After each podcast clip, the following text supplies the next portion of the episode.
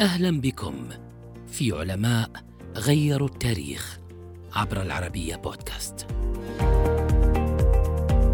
من أوائل وأهم علماء الرياضيات ويعود إليه الفضل في تأسيس علم الجبر.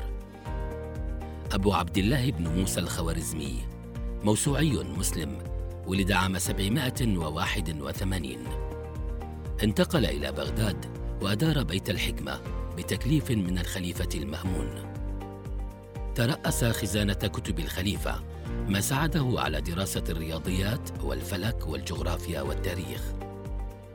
أنتج الخوارزمي نسخة منقحة من كتاب الماجستي لبطليموس اسمها صورة الأرض. يضم العمل قائمة لإحداثيات مدن وغيرها من المعالم الجغرافية في جميع أنحاء العالم. رسم الخوارزمي خريطة لمحور الأرض بمعاونة سبعين جغرافياً. بدأت فكرة تأسيس الجبر عندما أراد ابتكار طريقة عامة لتحليل المشكلات. دعا لاستخدام نظام الترقيم الهندي لامتلاكه الدقة اللازمة على إحداث ثورة في المجال. ترك العديد من المؤلفات أهمها الجبر والمقابلة في الرياضيات.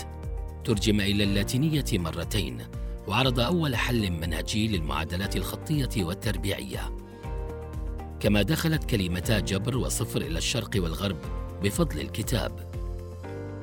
كلمة الخوارزمية التي نستخدمها حتى الآن مشتقة من اسمه وهي مجموعة من الخطوات الرياضية المتسلسلة لضرب الأرقام وتقسيمها.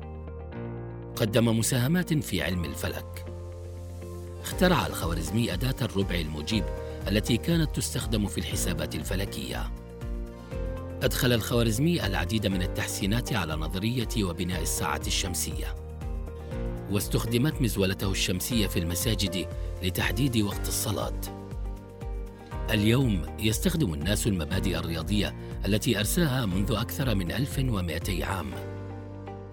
توفي أبو الرياضيات في العراق عام 850